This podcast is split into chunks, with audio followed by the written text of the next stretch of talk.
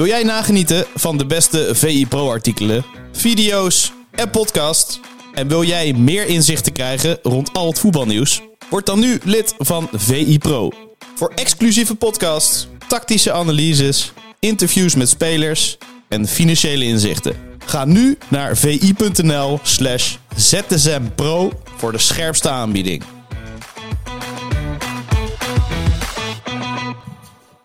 Een hele goede morgen en welkom bij de ZSM van vrijdag 17 november. Ik, Sjoerd Keizer, ga het nieuws bespreken met uh, Bart Vrouws. Bart, een hele goede morgen. Goedemorgen, Sjoerd. Ja, we hebben wat minder te bespreken dan normaal. Dus we gaan als een sneltrein er gewoon doorheen. Maar ja, er staat wel wat op het programma. Hè? Nederlands elftal kan zich gewoon plaatsen voor een uh, eindtoernooi. Maar laten we beginnen bij de bekerstunt. Want er werd wel degelijk gevoetbald gisteren.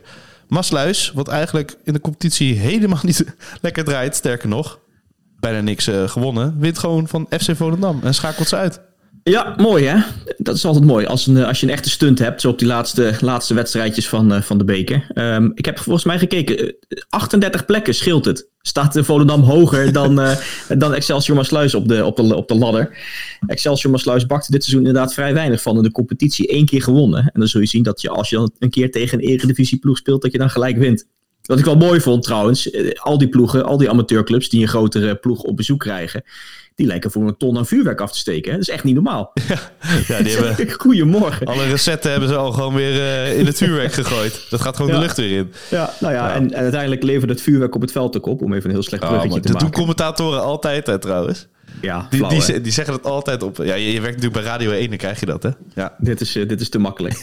um, maar uh, nee, het was een mooie goal die ze namelijk maakten. Een ja. knappe goal. En daarna uh, heeft Volendam wel redelijk wat kansen gehad. Alleen dat balletje ging er net niet in. En ja. dat is wel de verdienste van Excelsior Maasluis. Die Volendam was er trouwens toch wel heel dichtbij. In echt in de laatste seconde. Hè? Ja. Die, die, schieten die bal op de lat en daarna poppen ze hem in. Ze denken dat ze er toch nog een verlenging uitslepen. En dan staat die grensrechter met zijn vlag in de lucht. Was ik wel buiten spel volgens mij. Maar ze waren, er, ze waren dichtbij uh, alsnog een soort uh, ja, Houdini-act. Maar ja, het zat er niet in. Ik vind het wel leuk hoor. Al die, al die amateurploegen die het zo goed doen. ik, ik zat te kijken. Excelsior Maasluis moet nu tegen Dem ik kom niet uit die regio. Ze komen uit Beverwijk. Ik had er eerlijk gezegd nog niet zo vaak van gehoord. Ook niet. Spe spelen derde divisie. Maar het is best wel een goede kans voor Excelsior Maasluis ja. om, om nog een rondje verder te komen. Ja, en ik zag op vi.nl dat ze allemaal een snipperdag opnemen. En ja, het moet een mooi fe feest zijn geweest. En ik vraag me af, zou Martijn Krabbendam er zijn geweest? Ja, hoop je toch van wel, hè? Als ja. een keer stunten moet je erbij zijn. Ja, zijn dat club, zou, hè? ja, dat zou je wel denken, ja. ja. in ieder geval zijn stad. Maar goed, een mooi feestje. Um, Kelvin Twicht, die was uh, bij Jong Oranje. Uh, die speelde dus op het moment dat uh, zijn ploeg werd uitgeschakeld tegen Jong Gibraltar. Een geweldige wedstrijd. 1-0 winst voor Jong Oranje. De, de vlag kon uit. Maar na afloop was er vooral een apart interview met ESPN. Zo van, ja, eigenlijk gek. Ik, ja, ik heb een goede, wedstrijd gespeeld, maar ik heb een heel ja, matig gevoel na, na, deze wedstrijd. Ja, kan ik me voorstellen. Het is ook wel gek dat je dan echt bij het andere oranje bent. Maar, uh, en dat je dan op je telefoon kijkt en dat je ziet dat jouw ploeg, het andere oranje... Het echte oranje, uh, toch? Dan? Ja, ja. Het, uh, weer, verloren heeft van, van deze amateurs. Ja, dat moet niet, niet lekker zijn. Die wedstrijd trouwens, Nederland-Gibraltar.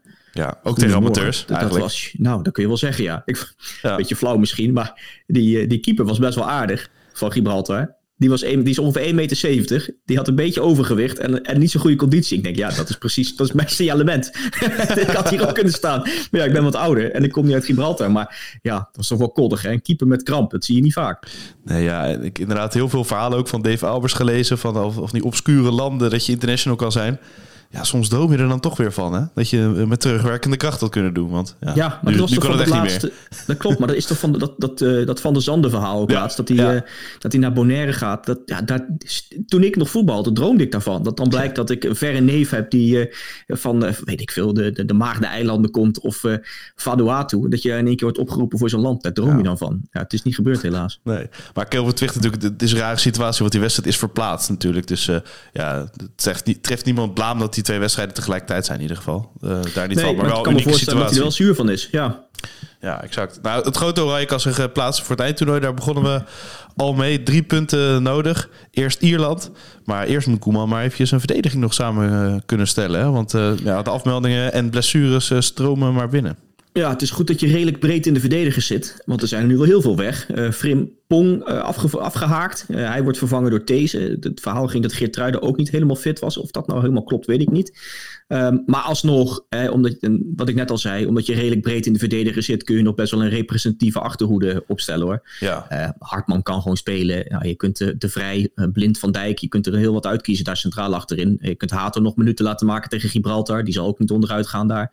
Nee. Dumfries gewoon als rechtsback. Dus ja, het, het, zijn veel blessures. Maar als je die namen zo ziet en, en wat Koeman nog op kan stellen, hoef je nou ook niet gelijk in paniek te raken.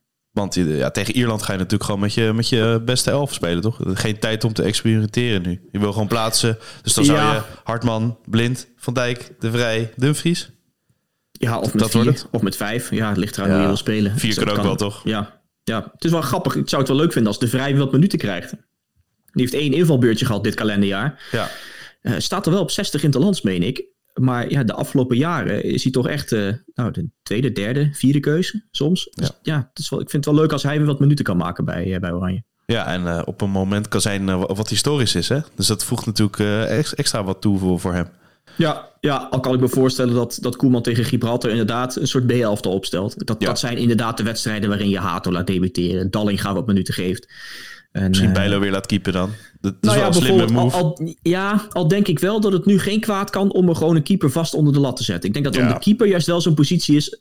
En, en je weet, eh, in, in, die, in die thuiswedstrijd tegen Gibraltar was de schotenverhouding 50-0.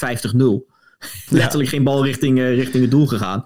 Dus je, ja, je kunt net zo goed Hato op doel zetten als je hem toch wil laten debuteren, bij wijze van spreken. Ja, dat is de kop, maar, Bart. maar, eh, maar, eh, maar oh, zet mij er neer. Eh, maar, maar, maar, maar zonder gekkigheid, je zou, juist omdat je zoveel hebt gewisseld met die keepers dit, dit kalenderjaar, dat er letterlijk om de twee interlands een andere keeper in stond en steeds ook een andere, zou het nu wel lekker zijn als je, als je nu gewoon een paar potjes dezelfde doelman achterin kunt zetten en, en nou, in, in, in dit geval, geval Verbrugge kunt laten wennen aan, aan het gevoel bij Oranje. En ja, dan is het Gibraltar, ja, dan krijg je geen bal misschien, maar laat hem, die, laat hem die minuten maken.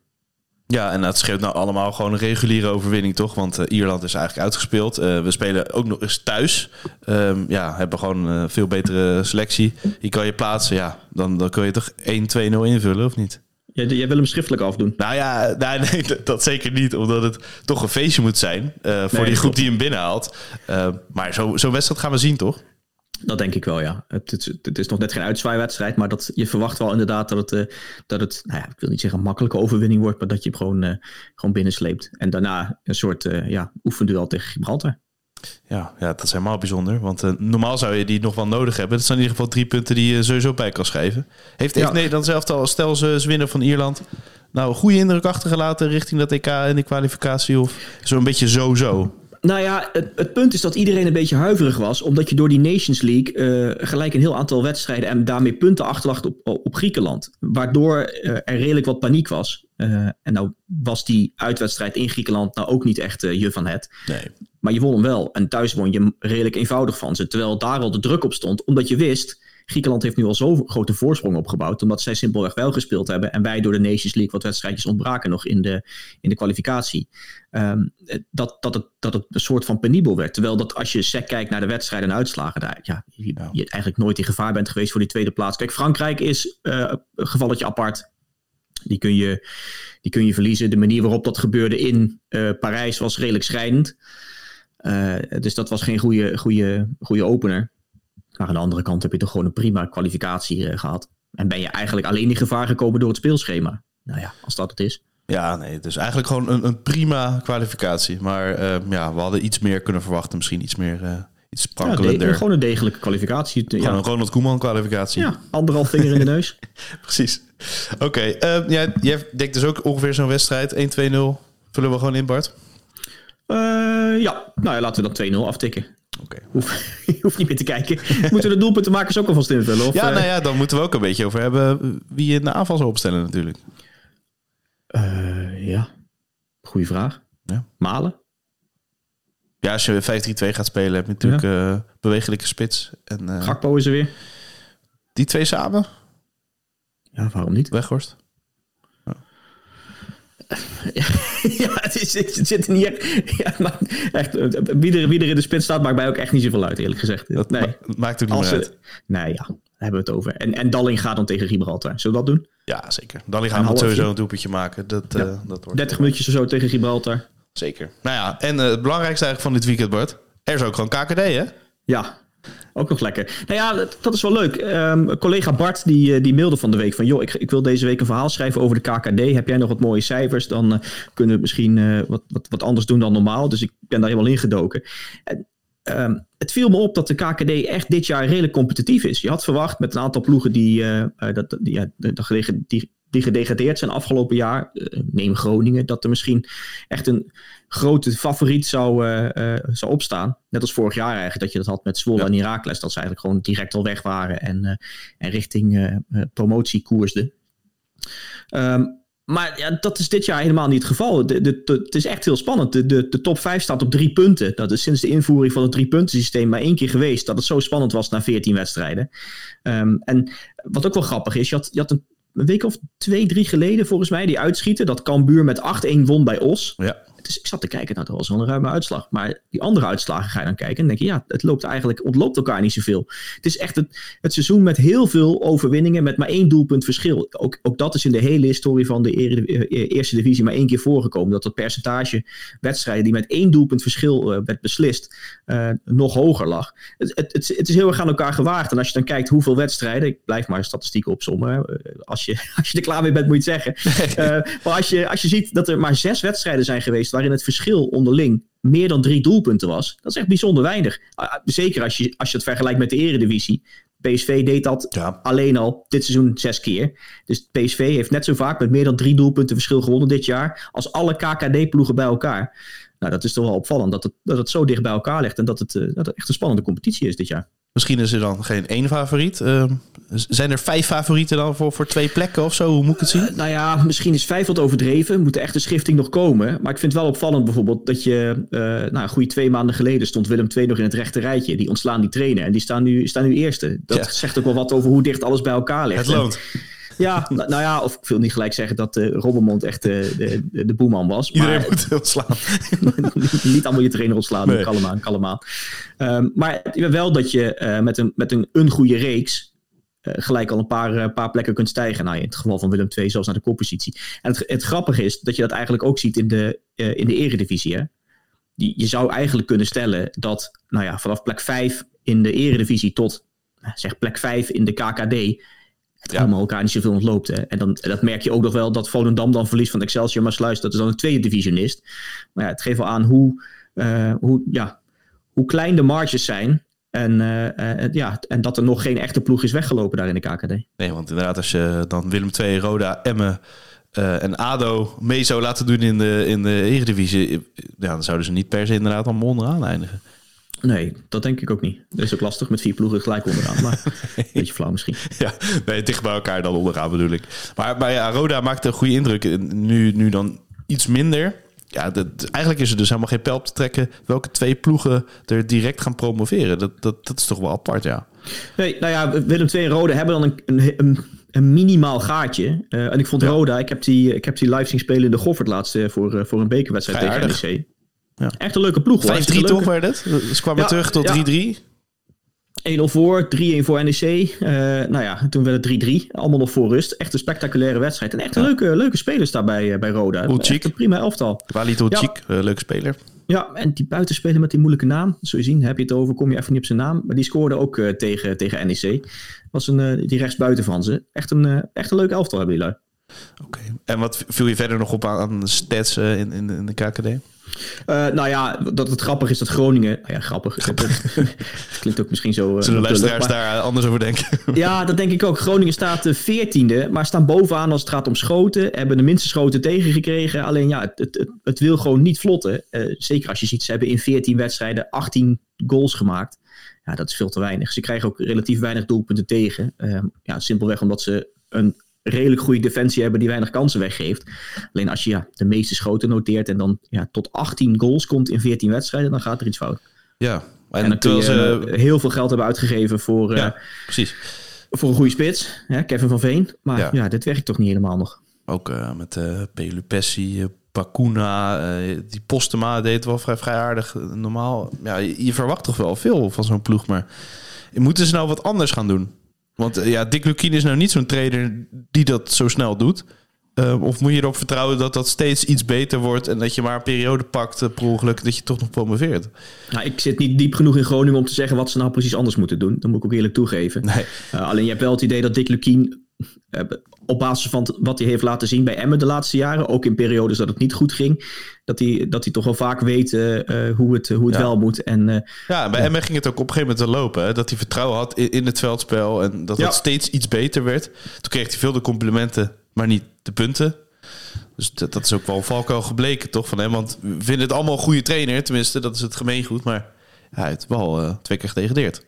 ja, ook wel twee keer gepromoveerd met Emmen notabene. Hè? Ja. Eh, dat, dat, moet je, dat moet je er wel, eh, wel rekening mee houden. Je kunt zeggen hij is twee keer gedegradeerd, maar hij is twee keer gepromoveerd met een ploeg die nog nooit Eredivisie had gespeeld. Ja, dus eigenlijk is hij neutraal geëindigd, bedoel je? Nou ja, ik zou, ik zou hem eh, een plusje geven in plaats van een plusminuutje. Ja, veldspel sowieso, inderdaad. ja. En lijkt me een hele fijne vent om ja, Ja. als trainer te hebben.